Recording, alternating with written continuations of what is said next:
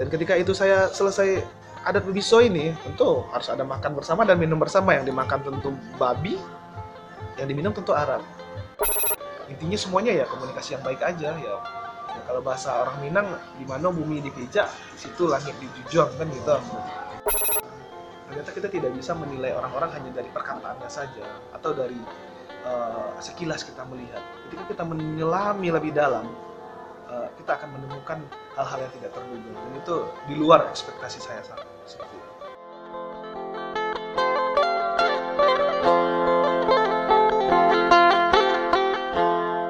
kawan-kawan kata mati podcast Selamat datang di episode terbaru Kata Mati Podcast. Uh, kali ini saya bersama dengan Bang Silal. Halo Bang Silal. Ya, halo, selamat malam. Jadi saya ketemu Bang Silal ini di salah satu forum di salah satu dinas di Kota Pontianak. Ternyata Bang Silal ini juga orang Awa. Ya, kita nyebutnya orang Awa ya. Uh, saya saya orang Melayu berdarah Minang. Nah, kalau Bang Silal kayaknya murni Minang ya. Ya, 100% Minang 100% ya. Minang ya.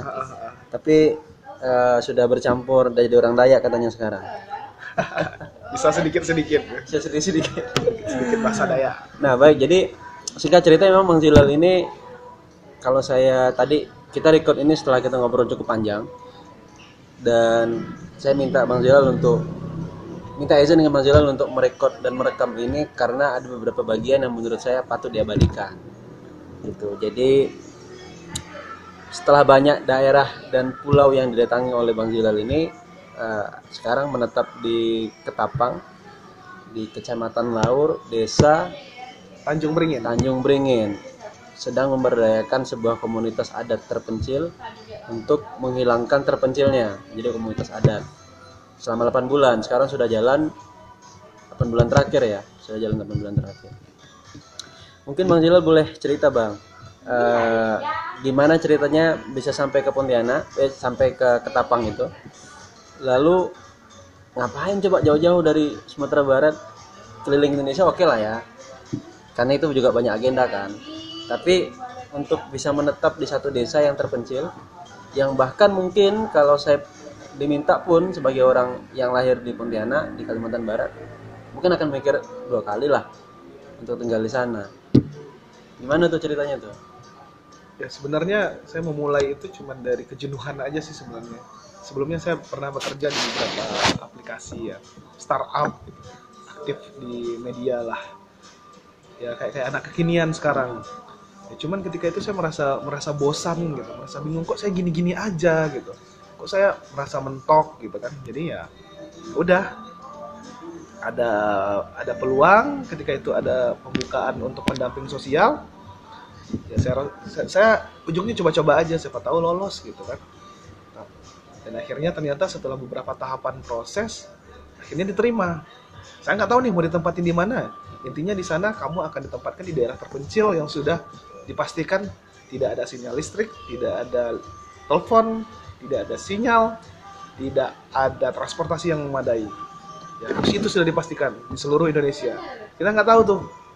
Akhirnya setelah pengumuman keluar ternyata dapat nih di Desa Tanjung Beringin, Kecamatan Sungai Laur, Kabupaten Ketapang, Kalimantan Barat.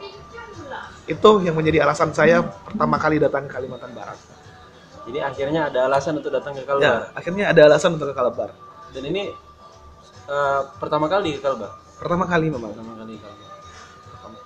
Dan memang sudah pernah kepikiran pengen ke Kalbar, tapi belum ketemu alasannya apa. Belum ketemu alasannya apa ketika itu karena tadi ketika ngobrol Bang ini ternyata sudah datang hampir di seluruh uh, provinsi di Kalimantan ya, kecuali Kalimantan Barat. Kecuali Kalimantan Barat. Ini yang terakhir ini. Ini yang terakhir. Ah, ah, ah. Kabupaten provinsi terakhir yang yang saya kunjungi di sini. Kesan pertama apa yang waktu itu abang dapatkan ketika sampai di Kalimantan Barat? Kan itu kan melewati kota Pontianak saya yakin juga pasti menetap di kota Pontianak dulu gitu kan sebelum nanti turun ke uh, desa Tanjung Beringin itu.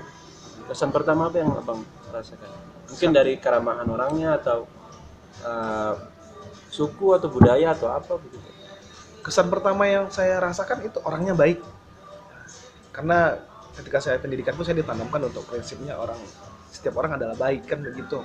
Ya, tapi saya ketika datang ke sini betul orangnya baik. Walaupun dalam sisi lain opini-opini yang benar wacana-wacana itu orang Dayak itu makan orang katanya gitu kayak siapa yang tanya tanda tanya juga betul apa enggak di gitu kan? desa itu orang Dayak semua Ah, hampir Mayoritas. 98% itu Dayak mayoritas. Mayoritas suku Dayak karena memang desanya desa suku Dayak. Tapi ketika saya sampai di Pontianak saya lapor dulu dong ke instansi yang ada di provinsi. Saya difasilitasi, difasilitasi dengan baik. Ya mungkin saya pikir ya ini mungkin sebatas eh, tanggung jawab eh, dinas kali ya. Tapi enggak ternyata beda. Saya disambut dengan aroma kekeluargaan yang nyaman setelah itu saya pindah ke Ketapang sama halnya dengan, dengan demikian. Saya nggak menyangka ternyata orangnya asik semua gitu. Ya udah saya diterima. Sebagai keluarga saya bukan diterima sebagai eh, petugas dari kementerian. Bukan saya diterima sebagai keluarga di sini. Ya, jadi setiap saya pindah itu saya kok, kok merasa punya keluarga baru? Gitu saya dikenalin ke anaknya dikenalin ke suaminya ke istrinya gitu. Ya mengalir gitu. Mengalir semua itu yang saya berarti orangnya baik ya? Berarti menerima kita secara secara penuh gitu. Itu setelah saya sa- lanjut datang ke Tanjung Beringin saya nggak nyangka juga. Saya baru datang itu kena perang dulu sih di sana. Pak Kades bilang lokasi cutnya di mana? Jauh katanya. Atau dia mencoba mengajak saya bercanda. Tentu ingin mencairkan suasana. Ternyata lokasi cutnya di belakang rumah. Tidak terlalu jauh rupanya. Bisa jalan kaki kok ke sana. Akhirnya kita diterima oleh warga di sana dengan ya walaupun yang namanya orang komunitas adat lah ya ketika saya datang ke sana mereka agak agak memberi jarak dulu. Tapi ya kita sebagai orang baru tentu kita yang harus berbaur di sana. Akhirnya kita melebur dan itu menjadi sebuah apa ya sebuah eh, hal baru untuk saya ketika itu. Mereka ternyata mampu menerima saya. Saya ketika datang saya belum makan. Jadi saya harus masak dong di sana. Nggak ada jualan dong nggak ada apa-apa gitu kan. Udah beli makanan. Ah, beli bahan makanan. Ketika itu beli bahan makanan udah. Ternyata kompornya nggak mau hidup. Kompor gas ya. Kebetulan dipinjamin kompor gas nih di sana walaupun harga gasnya ya dua kali lipat lah ya dari harga kota. Udah beli gas. Ternyata nggak mau. Ternyata ada warga yang datang ke rumah sendirinya.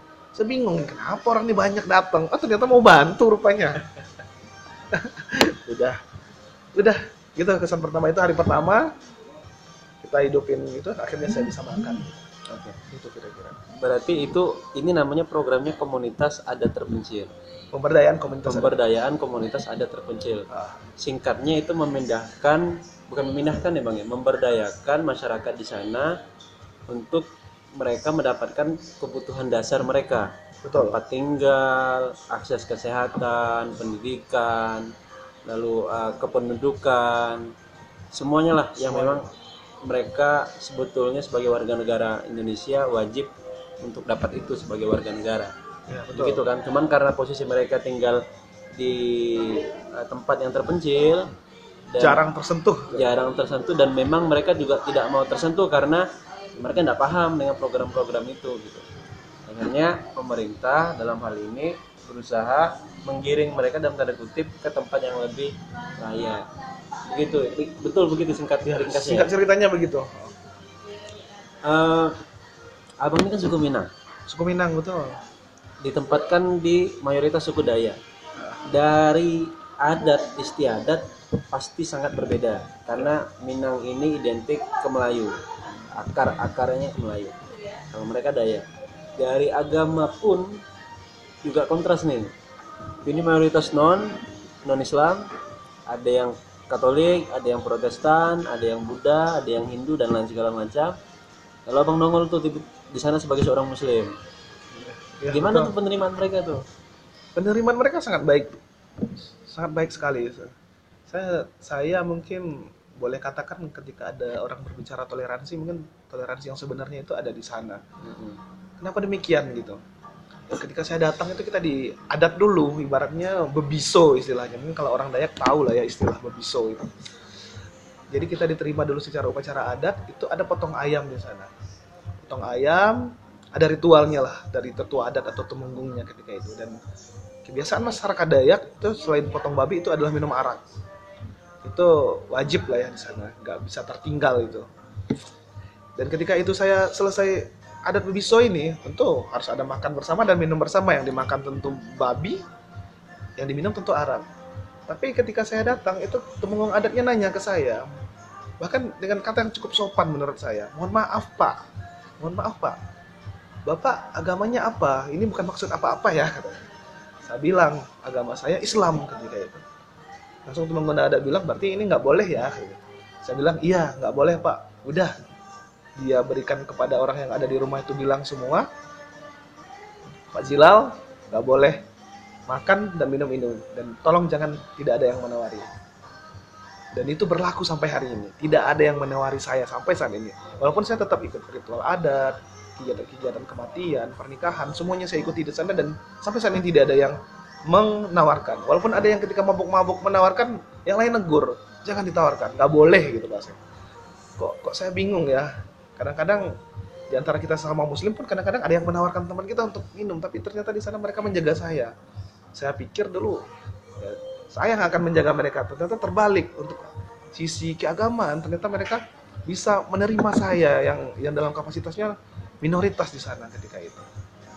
Itu mungkin kesan pertama di sana dari sisi kalau pelaksanaan ibadah kalau sebagai seorang muslim kita wajib ibadah uh, wajib itu ritual wajib itu lima kali dalam satu hari lalu ada satu sholat atau satu ibadah ritual yang memang kita lakukan seminggu sekali sholat jumat.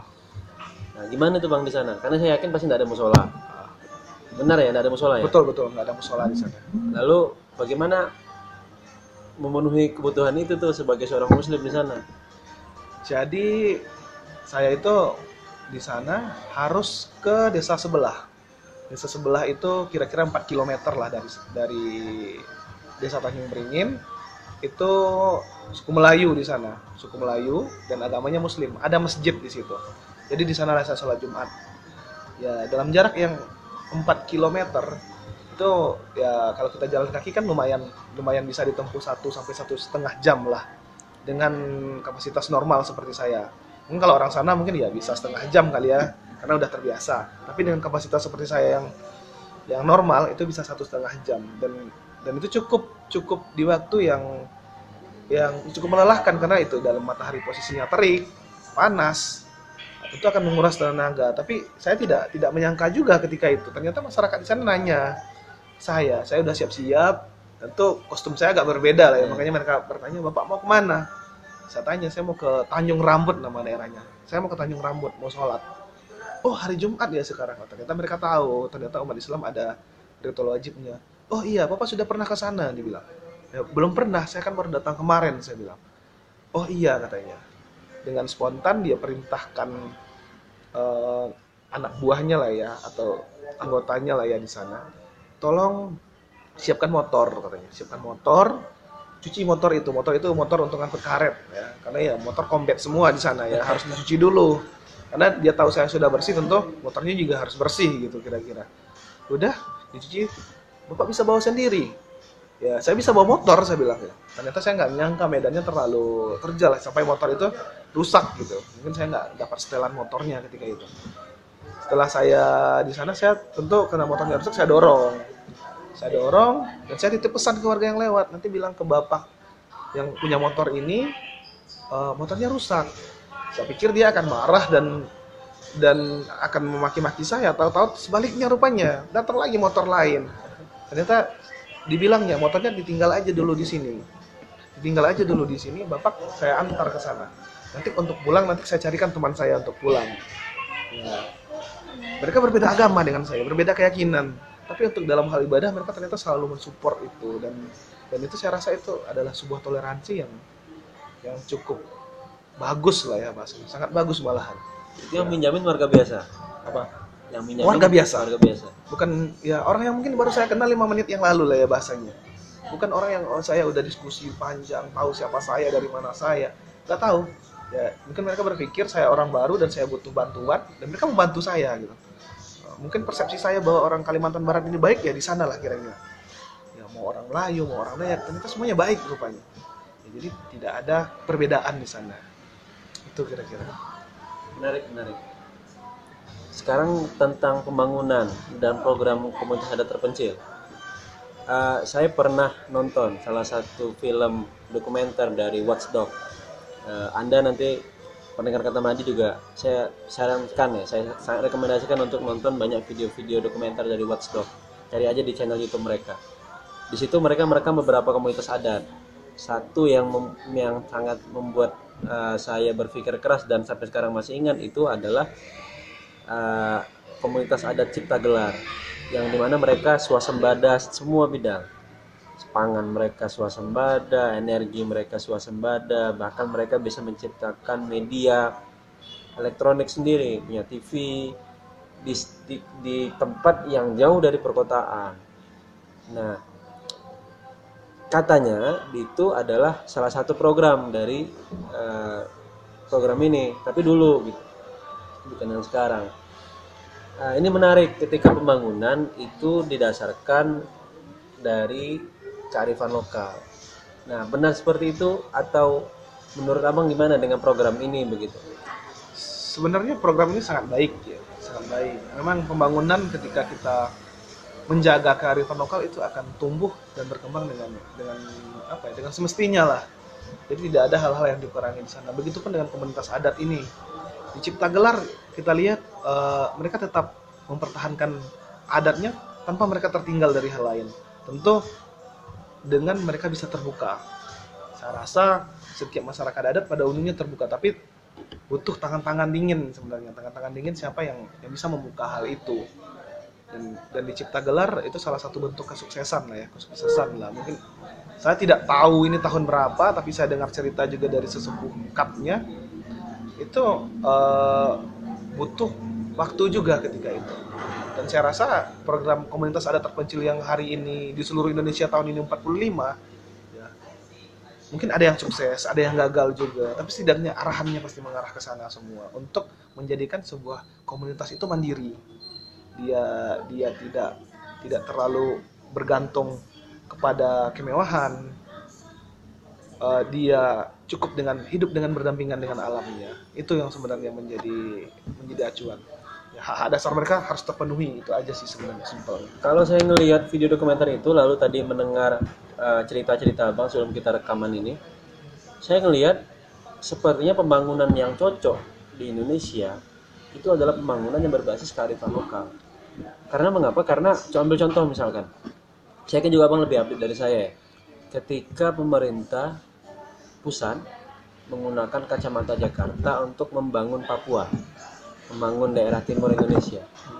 Mereka berpikir bahwa kebutuhan mereka itu adalah jalan, infrastruktur jalan. Mereka berpikir kebutuhan mereka adalah uh, uh, persawahan. Pertanian mereka harus diubah dari sagu yang tidak dibudidayakan. Karena kita tidak bisa mengukur produktivitasnya menurut mereka kita juga tidak bisa mem, mem, mengemas itu menjadi sebuah produk yang bahkan bisa diimpor eh bisa diekspor atau minimal dijual di luar Papua untuk bisa mendapat pendapatan asli daerah mereka. Akhirnya dibuatlah program sekian hektar persawahan. Lalu sawit juga sekarang sedang gencar-gencarnya ditanam di sana sebagai pembangunan dan memang benar-benar pembangunan cuman tidak berbasis kearifan lokal. Nah, yang saya tangkap itu dari cerita-cerita abang tadi dan itu menguatkan saya seperti yang cocok di Indonesia itu pembangunan ber, berdasarkan kearifan lokal gitu. Jadi uh, karena kan tadi coba abang boleh cerita satu desa ini atau satu komunitas adat ini bisa dijadikan program KAD, program komunitas adat terpencil itu kan panjang prosesnya mulai dari awal sampai akhir itu bagaimana tuh bang? Coba. Jadi untuk uh, sebuah lokasi itu ya lokasi bisa dinyatakan bisa menjadi lokasi pemberdayaan komunitas terpencil itu ada beberapa tahap sebenarnya. Uh, tahun pertama itu uh, itu sebelum dibangun itu ada namanya penjajakan awal. Penjajakan awal itu uh, pengumpulan data awal. Jadi dinas terkait dalam hal ini dinas sosial, uh, kepala desa itu mengusulkan dulu mengusulkan dulu bahwa di lokasi ini ada komunitas adat yang perlu diberdayakan. Tentu tentu itu usulan tersebut dioper ke provinsi. Provinsi kemudian uh, secara administrasi melihat menganggarkan menyetujui menyetujui barulah kembali dikaji dikaji itu melibatkan uh, para uh, ahli ahli dari bidang sosiologi antropologi yang ada di uh, perguruan tinggi. Itu. Jadi turun langsung dari tim ahli perguruan tinggi yang menjadi ketuanya itu adalah dosen biasanya. Dosen di perguruan tinggi turun langsung ke lokasi tersebut untuk melihat bagaimana sebenarnya apakah ini benar komunitas adat atau tidak. Karena di, di, di Kementerian Sosial itu beda-beda program juga ketika dia rumahnya nggak baik beda lagi nama programnya. Ketika dia penyandang disabilitas beda lagi nama programnya. Dilihat dulu ini komunitas adat apa tidak. Dan itu hanya bisa dikaji oleh seorang antropolog sosiolog. Dikaji setelah itu dikaji uh, mereka turun langsung turun langsung ke lapangan melihat satu persatu warga-warga tersebut datang ke tempat-tempat tinggal mereka apakah benar kenyataannya seperti itu. Setelah itu benar dikaji secara dampak sosial, ekonomi, budaya, semuanya itu dilaporkan secara ilmiah diadakan yang namanya semiloka daerah. Semiloka seminar seminar dan loka karya daerah. Semiloka daerah, seminar dan loka karya daerah. Jadi di sana berkumpullah uh, para praktisi tadi dan ada tim penilaian dari pusat. Tim penilainya dari pusat untuk melihat sejauh mana uh, kesanggupan atau kekuatan dari uh, pemerintah daerah untuk hal itu. Jadi diundanglah lintas sektor organisasi. Biasanya yang membuka semiloka ini adalah bu, bupati atau sekda biasanya. Setelah itu diadakan dipaparkan oleh uh, ahli tadi, antropolog atau sosiolog tadi, dosen itu dipaparkan kepada seluruh hadirin yang ada. Itu terdiri dari dinas-dinas terkait dinas uh, apa ya dinas pendidikan, dinas uh, Bapeda, semuanya lah orang-orang yang terkait dalam bidang pembangunan diundang di sana melihat apa ya kira-kira yang bisa mereka bantu dengan kondisi seperti itu. Setelah itu dilihat, jadi disimpulkanlah nanti oleh tim penilai sejauh mana dukungan dari daerah. Setelah itu selesai, itu dibawa ke pusat ke nasional. Kembali diuji lagi. Kembali diuji lagi oleh pakarnya, dipaparkan kembali, bisa dipertahankan atau tidak. Setelah itu bisa dipaparkan dan dipertahankan barulah diputuskan berhak atau tidak berhak menerima layak atau tidak layak menerima dan, dan tidak sedikit juga yang tidak diterima setelah dilakukan kajian panjang selama satu tahun. Begitu kira-kira. Setelah itu dinyatakan diterima barulah uh, dilakukan pembangunan rumah. Mereka diintervensi untuk pindah ke lokasi yang baru. Tanpa meninggalkan kebiasaan mereka ketika mereka berladang silahkan berladang rumahnya kita bangun uh, komunitasnya kita bangun di sekitar tempat mereka mencari usaha gitu. Nanti setelah itu dalam proses intervensi diberikanlah mereka jaduk namanya jatah hidup bantuan bantuan uh, konsumsi lah ya konsumsi peralatan rumah tangga supaya mereka uh, bisa menyesuaikan diri dengan tempat yang baru sebelum mereka pindah. Setelah rumah jadi di tahun kedua mereka harus pindah. Tahun kedua mereka harus pindah. Uh, di sana pun kembali diberikan jaduk tadi jatah hidup. Supaya itu bisa membantu perekonomian mereka. Jadi orang yang pindah tentu uh, butuh penyesuaian. Nah, salah satu bentuknya itu diberikan sembako dan hal segala macamnya untuk mereka tetap bisa tinggal di sana, bertahan dulu di rumah itu. Setelah rumah itu mereka pindah barulah datang namanya pendamping kat tadi, pendamping sosial kat tersebut untuk melakukan pemberdayaan di sana. Ada 11 aspek bidang sebenarnya yang diberdayakan di sana 11 bidang tersebut pendidikan, kesehatan, administrasi kependudukan, uh, lingkungan hidup, uh, advokasi, kebudayaan, semuanya dilihat di sana. Tugasnya cuma satu, apa tugas pendamping itu? Memastikan bahwa regulasinya sudah benar. Ketika mereka tidak punya nik, ya bagaimana regulasi nik yang sebenarnya harus kita dorong ya. Berarti mereka harus ke pemerintah desa, ke disduk capil. Kita dorong. Ketika sekolah mereka jauh, pendidikan mereka kurang kurang nyaman ya kita lihat lapor ke pendidikan dinas pendidikan. Kalau sekolahnya tidak bagus di desa ya udah kita laporkan. Bagaimana respon dari pemerintah daerah gitu. Ya sebenarnya memastikan itu saja. Uh, kalau saya pribadi ya berpikiran bahwa generasi setelah orang tua mereka itu jauh lebih baik dari generasi orang tua mereka. Itu sih sebenarnya yang fokus poinnya. Berarti kalau secara lini masa waktu butuh tiga tahun untuk dia bisa disebut sebagai komunitas adat terpencil betul dan pemerintah melakukan intervensi di situ hmm. dan menurut saya itu adalah salah satu pembangunan yang sangat humanis yang pernah saya dengar karena kajiannya mantap benar-benar apa sih kebutuhan mereka kalau dibuat ini kira-kira mereka pakai atau enggak gitu kan. kan banyak nih kasus pembangunan yang dilakukan oleh pemerintah maupun non pemerintah yang tidak tepat sasaran lah gitu kan. Dibangun A padahal yang mereka butuhkan B. Akhirnya A nggak kepake. Duit udah habis di situ tenaga udah habis di situ gitu kan. Betul betul. Jadi seharusnya ini program bagus pemerintah pusat harus pakai sebenarnya. Maksudnya dipakai juga lah untuk untuk pembangunan yang lain gitu kan bangun infrastruktur entah itu infrastruktur fisik maupun non fisik betul kajiannya harus selesai dulu gitu. Jadi orang-orang yang berada di kampus itu tidak hanya sekedar ngajar gitu. Ya ilmu mereka kepake ke masyarakat. Ya benar-benar tridharma perguruan tinggi. Iya. selama ini selama ini kan penelitian ini mohon maaf ya saya autokritik juga sih. Nah, kampus-kampus kita itu ngejar hibah penelitian. Tapi ya hibah penelitiannya hanya untuk ya naikkan pangkat sebagai kredit poin tanpa melihat dampak tapi kalau ada yang ditikat Ah. jadi satu komunitas iya betul dan mereka bisa hidup lebih baik lah dari sebelumnya begitu kan lalu kok cuma 8 bulan gitu Bang? Eh, karena ini adalah sebuah bentuk tanggung jawab pemerintah pusat ke sana untuk memastikan itu jalan dulu sesuai alurnya. Setelah 8 bulan selesai bukan berarti tanpa pendampingan lagi. Itu diserahkan kepada yang namanya pemerintah kabupaten kota. Ya, pemerintah pusat beralih ke lokasi lain gitu. Beralih lagi ke lokasi lain, tapi tetap dalam pantauannya. Semuanya tetap dikoordinir, tetap dimonitoring sebagaimana mestinya. Satu tahun pemberdayaan itu memang betul-betul dilihat karena kita melaporkan bagaimana perkembangannya setiap bulannya bagaimana gitu jadi hasil pelaporan tersebut akan menjadi bahan pemikiran untuk pemerintah uh, kabupaten atau kota nanti rencana aksi apa yang akan dilakukan di sana? Maksudnya ini kan komunitas adat terpencil. Ya. Visi besarnya adalah membuat ini menjadi komunitas adat. Ya. Terpencilnya dihilang tereliminasi gitu karena semua kebutuhan dasar hidupnya sudah terpenuhi. Ya kira-kira begitu. Itu itu indikatornya apa? Ketika mereka tidak lagi terpencil dikatakan ketika mereka sudah berbaur dengan masyarakat uh, pada umumnya oke sudah terlihat seperti masyarakat pada umumnya. Mereka sudah bisa memenuhi kebutuhan hidup mereka. Jadi mereka tidak lagi boleh dikatakan terasing gitu.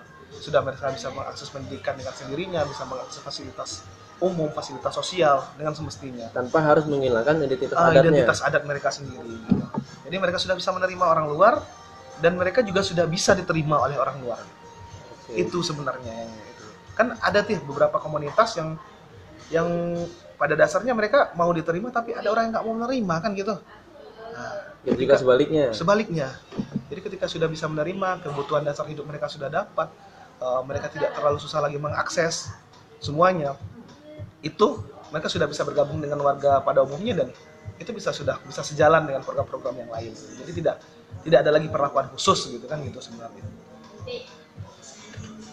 Kalau pendamping cut itu pendamping komunitas adat terpencil berarti kalau ada 45 cut sekarang Ada ada, 45 45, orang. pendamping ya betul. Sebagian besar mereka umur berapa bang? Rentang umurnya? Tentang umurnya masih dibilang anak muda? Masih anak muda. Kalau boleh dikatakan itu di bawah 30 tahun. Berarti 30 tahun. Ya maksimal 30 tahun kali ya. Masih usia pemuda lah ya. Undang-undang pemuda menyatakan 17 sampai 40 empat- 40 betul 40 nggak tahu. Hah? Sampai 30 ya. 17 sampai 30 tahun untuk dikategorikan pemuda. Nah di sini mereka berusia setelah tamat kuliah. Harus S1 dulu. Harus S1 dulu dalam latar belakang ilmu yang berbeda.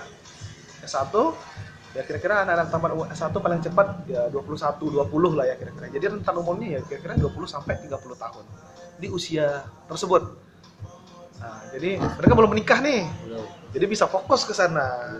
Jadi tidak tidak ada lagi. Jadi mereka didatangkan dari daerah-daerah eh, luar seperti saya dari Sumatera Barat ya dari Padang. Itu ke Kalimantan Barat gitu. Tentu ini akan menjadi sebuah pengalaman nantinya selain ya, bahasanya selain ini eh, membantu pemerintah dalam mengentaskan kemiskinan atau meningkatkan taraf hidup masyarakat ini juga mengisi juga mengisi salah satu bentuk pemberdayaan terhadap pemuda sebenarnya. Jadi ini mengisi sisi lainnya sebenarnya. Mungkin ya ini sudah dipikirkan kali ya oleh pemerintah kali ini mengisi. Karena ya setidaknya tidak semua pemuda juga bisa seperti ini ya. Hidup nyaman di kota ya mau ya seperti tadi mau bergabung di daerah yang mungkin tidak ada sinyal tidak ada listrik tidak ada akses trans- transportasi gitu.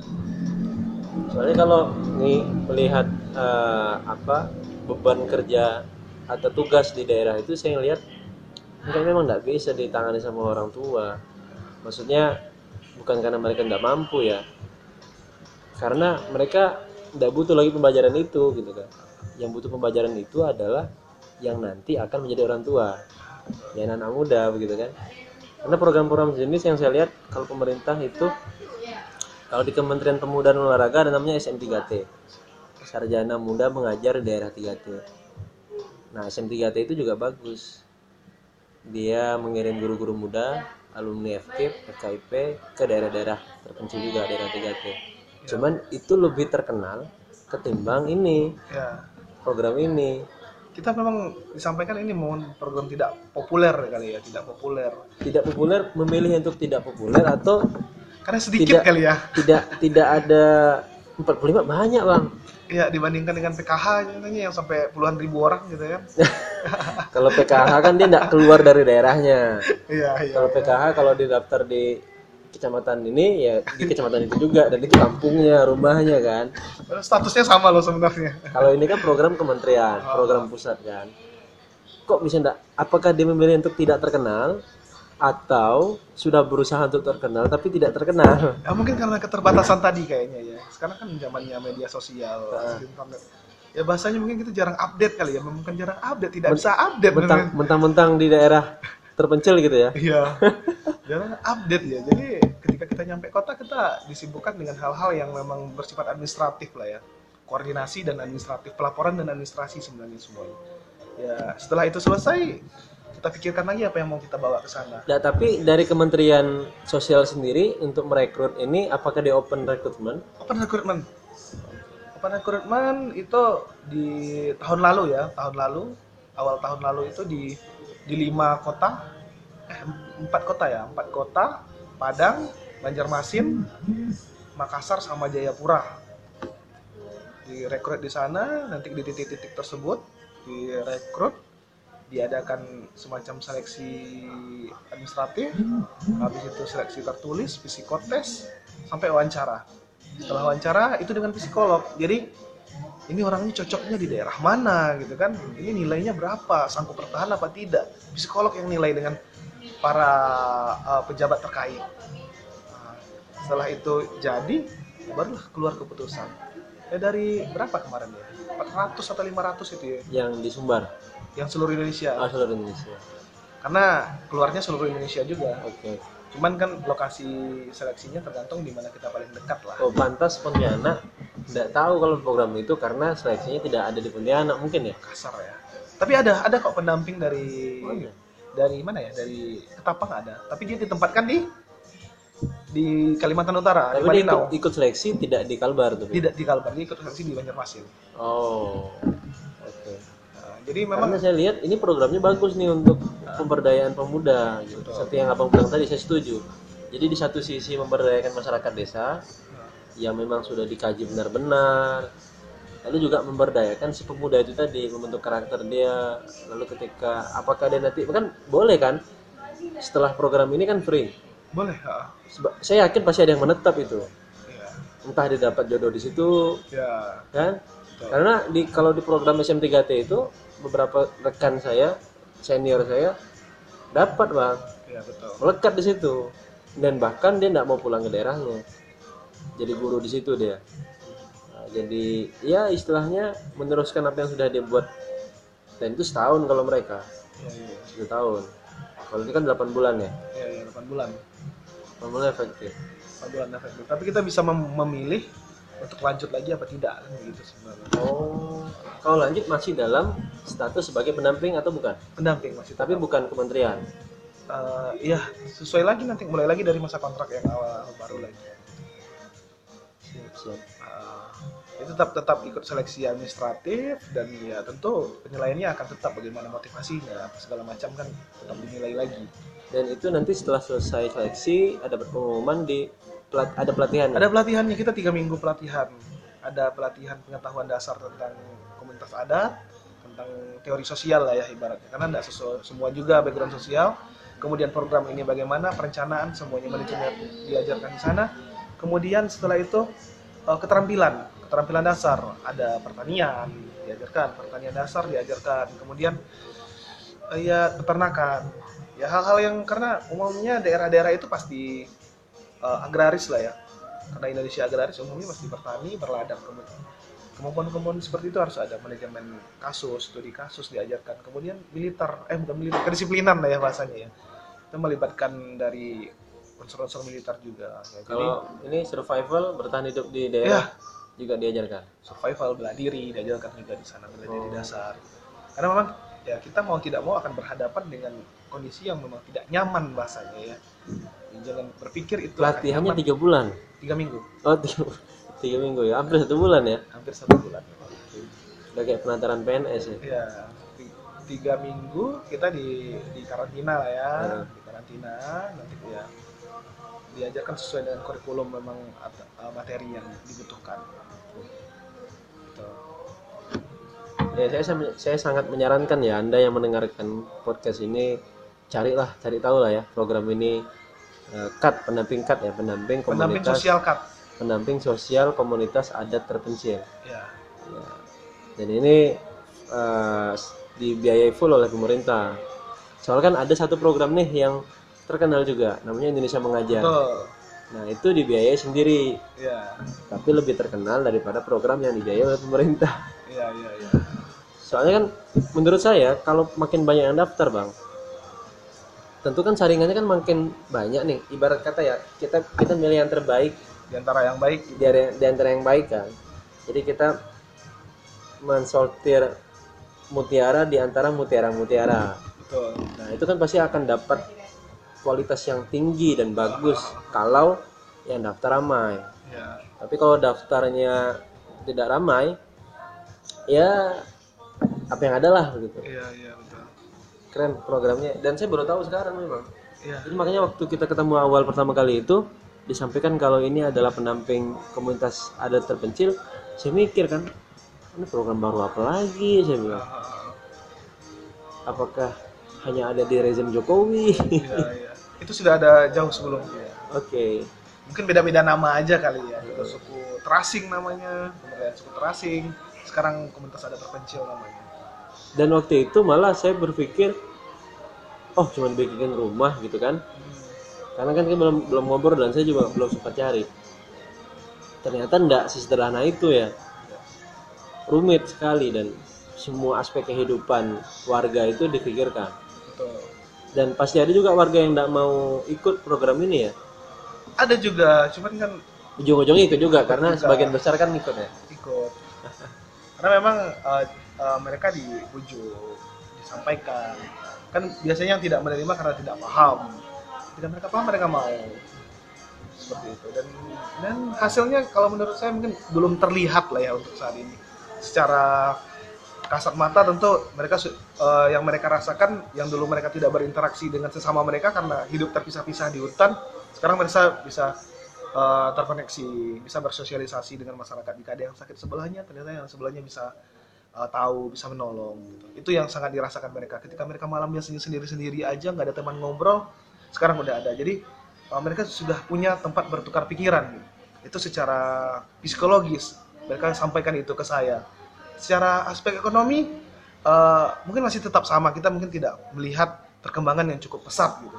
Tapi setidaknya mereka sudah mulai berpikir selain mereka bisa bertani mereka ternyata punya eh, penghasilan tambahan juga bisa. Ketikanya musimnya musim bertani itu selesai mereka juga bisa beternak mungkin atau bisa berusaha kerja sama orang lain punya kemampuan bertukang bertukang begitu ada mata pencarian alternatif yang bisa mendobrak eh, itu. Dan ketika mereka tidak bercerita seperti itu dari mana mereka tahu kan? Ternyata ada desa punya dana desa itu harus padat karya dan harus dikelola oleh warga kan gitu mereka rasakan sekali itu. Oh, ternyata saya bisa bekerja juga bisa digaji juga rupanya Yang ya. selama ini mereka berpikir hanya dari bertani. Dari bertani saja. Berladang. Berladang gitu. Sekarang sudah sudah berpikir ke arah sana. Gitu. dan dan mereka bilang berani bilang ya ini sampai bulan 12 ini kerjaan masih ada pak katanya kan. Ah, saya saya ya berpikir ya ini mungkin ya suatu efek positif lah dari hal itu. Walaupun ya yang sebelumnya mereka di hutan sekarang tinggal di pemukiman tersebut yang sudah dibangunkan eh, ya tidak serta merta dengan cepat akan berubah gitu. yang sebelumnya mereka mungkin anak mereka tetap sekolah tapi sekolahnya tapi jauh dari tempat tinggal ya yang biasanya orang tua mereka ada sekolah ya udahlah nggak sekolah. Tapi kalau sekarang gimana? Nggak mau sekolah lihat kawan-kawan semuanya sekolah ya. Otomatis ya kita mau ikut sekolah juga. Kesehatan mudah diakses ya kalau di desa ya minimal ada bidan desa ada puskesmas membantu. Ya ketika terjadi apa-apa ya bisa di segera ditangani lah ditindaklanjuti oleh orang-orang yang berwenang gitu. Walaupun ya, terkait lagi dengan permasalahan tersebut tentu lebih rumit. Tapi setidaknya kita sudah sudah mengurangi sedikit permasalahan tersebut gitu, dengan membawa mereka dekat ke lokasi-lokasi. Mungkin masih banyak lagi sebenarnya yang yang bisa digali. Yang sebelumnya tidak punya KTP sekarang sudah punya NIK walaupun mereka nggak tahu ini KTP untuk apa gunanya. Saya tanya bikin KTP ya saya nggak tahu juga pak. Ini untuk administrasi kad katanya. Gitu aja. Ya. Saya nggak ke kota ke kota kan. Buat apa KTP kan gitu. Sama sama aja dengan nyuruh orang sana bikin SIM gitu. Ya mereka nggak punya motor juga dan nggak bakal pakai juga gitu kan. Ya, tapi setidaknya mereka tahu hari ini ternyata setiap warga negara itu harus memiliki identitas kependudukan kan begitu dan itu difasilitasi negara gitu. Nah, itu perubahan-perubahan perilaku seperti itu. Yang sebelumnya anak mereka tidak sekolah di sekolah. Yang sebelumnya bekerjanya cuma itu itu saja sekarang sudah punya pemikiran uh, mata pencarian alternatif gitu. ya perubahan-perubahan seperti itu yang memang diharapkan lah sehingga mereka bisa hidup seperti warga pada umumnya. Sempat pernah merasa takut dan khawatir dah bang? Dengan walaupun ini sebenarnya sudah dikaji oleh para peneliti ahli lalu juga sudah didukung oleh para pemangku kebijakan lalu datang nih seorang pendamping sosial. Itu bang Sila lah ya datang ke sana. Eh, pernah merasa khawatir dan takut tidak ketika abang masuk? Justru sebaliknya gitu. Karena kan merubah merekayasa sosial itu tidak segampang membalikan tangan kan? Betul betul. Jadi tidak sekedar kita bukan mesia Uh, bukan juru penyelamat yang kita datang kehadiran kita lalu langsung Berubah. semua aspek berubah. Betul. Nah sempat merasa itu enggak saya sih ketika saya datang ke sana ya bahasanya yang saya dapatkan ketika pendidikan itu kamu cukup bisa berbaur itu sudah baik gitu. Jadi tidak tidak dipasang target-target eh, apa ya target-target tertentu gitu. Eh, ya dari semua pelatihan yang ada kesimpulannya satu kamu sudah bisa diterima mereka sudah nyaman ngobrol sama kamu berarti semua yang yang lain eh, program lain itu akan berjalan dengan semestinya. Itu kata kuncinya yang di awal. Ya saya sempat ragu juga ya ketika di awal ini. Saya bisa diterima apa tidak gitu kan. Ya ternyata ya apa yang menjadi pengalaman-pengalaman sebelumnya semakin itu ke dalam orangnya itu semakin bisa lebih baik menerima kita gitu. Ya tanpa tanpa harus memikirkan embel-embel apa pun. Oh saya suku apa agama apa dari mana latar belakang nggak peduli yang penting mereka tahu saya orang baru dan eh, mereka berpikir bisa berkomunikasi dan bisa bertukar pikiran Nah, itu ternyata membuka membuka jalur akses kepada program-program yang lain untuk melancarkan kegiatan-kegiatan yang lebih baik. Intinya semuanya ya komunikasi yang baik aja ya. Ya kalau bahasa orang Minang di mana bumi dipijak, di situ langit dijunjung kan gitu. Jadi di mana kita berada ya adat itu yang kita pakai, kebiasaan itu yang kita pakai. Tentu kita punya jati diri dan sejatinya itu tidak akan merubah kita. Kita hanya menghargai dan menghormati bagaimana kearifan lokal mereka. Itu aja sih sebenarnya. ya menarik ya itu kesimpulan yang menurut saya karena begini bang eh, banyak aktivis sosial yang punya banyak konsep punya banyak eh, teori lah istilahnya gitu untuk merubah satu perilaku ketika masuk ke masyarakat mungkin karena komunikasinya kurang pas kayak dan dia belum dan dia itu masuk ketika orang belum nyaman dengan dia mungkin ya. Betul. akhirnya tolak mentah-mentah. Contoh misalkan program eh, kalau di daerah kebetulan saya juga aktivis sosial pekerja sosial bisa dibilang kayak gitu. Kita berusaha menghilangkan buang air besar sembarangan. Betul. Nah jadi kita berusaha mengintervensi itu memberikan edukasi ke masyarakat kalau buang air itu jangan sembarangan karena akan ada konsekuensi penyakit nanti. Entah untuk dirinya entah untuk orang lain. Betul. Sulit bang. Betul betul. Sulit itu. Dan beberapa kali ditolak. Oke kalau ditolak kita nggak masuk gitu. Tapi dengan eh, pendekatan tadi kita diterima dulu dengan mereka. Eh, karena saya mikir ini kalau cut ini kan berapa rumah bang di sana? Di Tanjung Beringin 45 rumah 45 kakak berarti. Nah 45 kakak tahun kedua dia disuruh tinggal di situ. Tahun ketiga bang masuk? Eh, atau di tahun kedua itu? tahun kedua mas. Di saat mereka baru-baru pindah? Baru-baru pindah betul. Nah itu kan rentan itu. Mantap fase-fase yang sangat rentan. Jadi mungkin mereka akan nanya ini kok saya disuruh pindah sini abang? Gitu kan. Eh, bisa nggak saya tetap dapat fasilitas kita dapat jatah hidup hidup tapi saya tetap tinggal di hutan. Gitu. bisa jadi kayak gitu kan? Ya tapi kayaknya nggak terjadi sih karena sudah benar-benar dikaji kan di awal ya. Dan pemerintah juga harus masukkan intervensi di situ. Berarti kuncinya di perencanaan dan ini berarti pendamping sifatnya kayak merajut puzzle yang udah ada ah, gitu ya ah, ya yang sebenarnya meletakkan sesuatu pada tempatnya aja sih. Oke. Jadi ya seperti yang tadi eh, dulu saya berpikiran juga seperti itu. Eh, ini rumah ini gimana sih buang air besarnya nanti? Mereka di sungai atau di mana? Dulu sebelum mereka tinggal di hutan mereka itu ya di hutan. Sebelum mereka tinggal di rumah? Eh sebelum tinggal di rumah ketika masih di hutan mereka ya di hutan buang air besarnya. Tapi setelah dibangunkan rumah tadi itu ada eh, WC-nya dan dan akhirnya diberitakan ini adalah tempat buang air besar ya secara otomatis mereka berubah. Dan bahkan tidak ada juga yang buang air besar di sungai sekarang. Saya saya, saya lihat itu dari sepanjang aliran sungai. Ya dah- udah ada ada lagi gitu kan ya walaupun mereka harus ber- ngambil air ke sungai dulu. Oh sumber airnya mereka enggak belum belum belum apa ya masih sedang dalam tahap pembangunan. Oke. Ya program sharing yang lain lah dana Pamsimas sekarang namanya. Ada lagi program pemerintah dana Pamsimas untuk air bersih. Mudah-mudahan tahun ini kelar dan mereka nggak jauh-jauh lagi ngambil air gitu kan. Walaupun masih jauh mereka tetap ngambil air untuk ke eh, WC-nya buat disiram gitu. Setidaknya ya bahasa-bahasa tadi bahasa-bahasa pernyataan ini benar ini salah gitu. kita sampaikan dengan cara yang pendekatan yang bagus gitu. Nah, kalau hanya sekedar penyuluhan mungkin ya masuk telinga kanan keluar telinga kiri. Tapi Iya. kalau kita sampaikan bercerita dari mereka kira-kira mereka pernah sakit ini itu apa tidak? Bagaimana perasaan mereka itu atau tidak? Ya dimulai dari mereka dulu. Ternyata ketika kita buka dari mereka ternyata secara otomatis pemikiran mereka juga berubah dengan sendiri berapa lama waktu yang membutuhkan waktu itu untuk bisa diterima oleh masyarakat? Maksudnya apa merasa menyatu lah gitu dengan masyarakat dan akhirnya bisa memudahkan kerja-kerja yang tadi di sebelah bidang itu?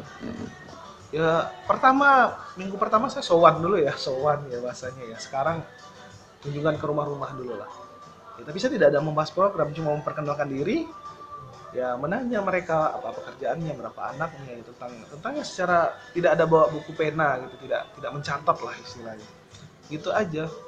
Ya seminggu pertama saya selesai ya saya mencoba menghafal ya menghafal nama mereka menghafal nama mereka kemudian saya lakukan pendekatan kepada anak-anak. Saya ngajar ngajar yang mungkin metodenya berbeda dengan guru-guru di sekolah. Saya ngajar akhirnya anak-anak mereka datang. Anak-anak mereka datang ya di sana kedekatannya. Mulailah orang tua mereka simpatik kepada saya oh ternyata ngajar gitu kan. Saya nggak nggak nggak nggak nggak bilang dulu program-program yang lain. Cuma ngajar dulu pendekatan kepada anak-anak. Anak-anaknya suka dengan saya datang setiap hari ke rumah. Secara otomatis mereka bercerita. Ada pasti ada anak-anak cepat untuk menerima perubahan pemikiran. Karena ya mereka eh, masih sangat muda gitu. Belum ter- terpapar dengan eh, isu-isu yang lain mereka menerima tentu anak orang tua mereka akan merasakan perubahan dari anak mereka di rumah. Oh ternyata anak mereka seperti ini seperti ini. Dan saya mengarahkan anak itu tetap melakukan perubahan ke arah yang lebih baik. Ternyata malah orang tua mereka yang mendekati oh saya bapaknya si Ano gitu. Saya ibunya si Ano oh bapaknya ini ini. Maaf ya saya nggak hafal nama ibu. Ya seperti itulah kira-kira baru bisa diterima dengan baik. Ketika mereka sudah datang ke tempat saya dan mereka menyatakan diri uh, mereka menunjukkan siapa mereka dan mereka mau bercerita apa saja tentang keluhan mereka berarti secara otomatis saya merasa oh ternyata saya sudah bisa diterima seperti itu.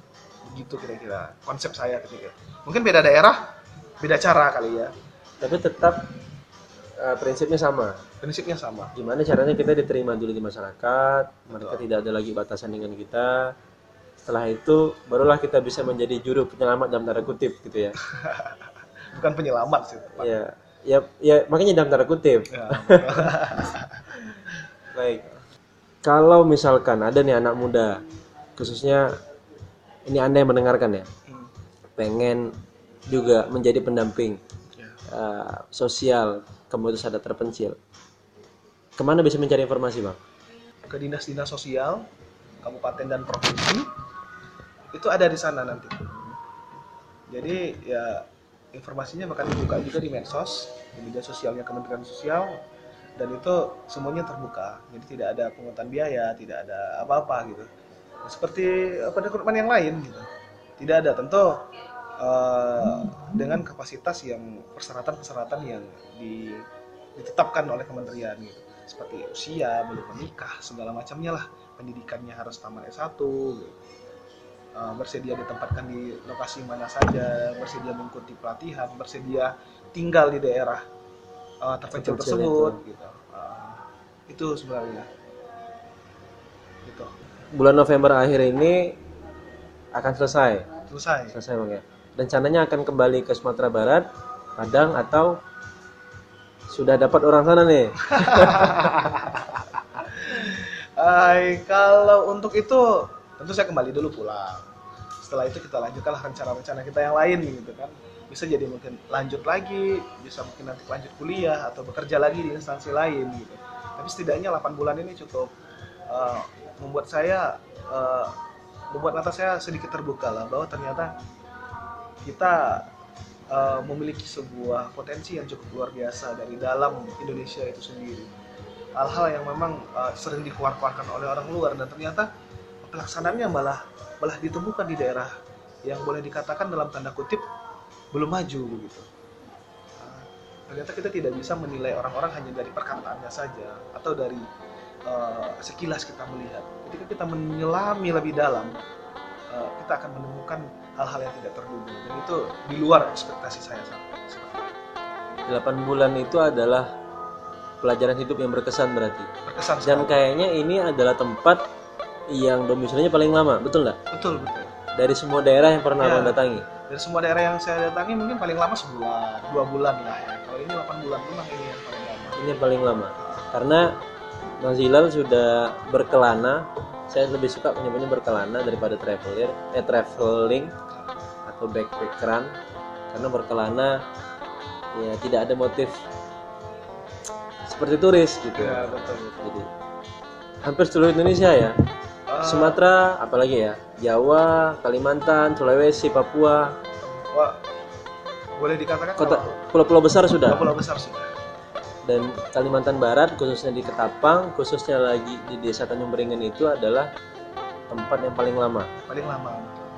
8 bulan. dan saya sedikit menemukan kenyamanan juga sih di sana. Bagi mungkin yang yang bosan dengan hiruk pikuk kota gitu kan. Ya ketika chargeran nggak ada kita mesti pusing nyarinya di mana ya. Coba tinggal di sana ternyata kita bisa hidup ternyata nggak nggak punya barang-barang seperti itu. Dan komunikasi itu bisa diselesaikan dengan Tatap muka. tatap muka. Ya, kalau mau menjadi manusia yang seutuhnya, main-mainlah ke Tanjung Ah, Beringin ya. saya, saya tunggu lah di Tanjung Saya pengen ke Tanjung Beringin sebenarnya, tapi dengar abang bilang bulan ini selesai, aduh di gimana kayaknya bulan ini sudah padat nih, sudah tidak ada waktu kosong. Iya. Tapi mudah-mudahan nanti bisa kita atur waktu dan barangkali kita ketemunya bukan di Kalimantan Barat, tapi di Sumatera Barat. bisa gitu. Baik, terima kasih eh, Anda sudah mendengarkan Ketemu di podcast. Sampai ketemu lagi nanti di podcast podcast selanjutnya.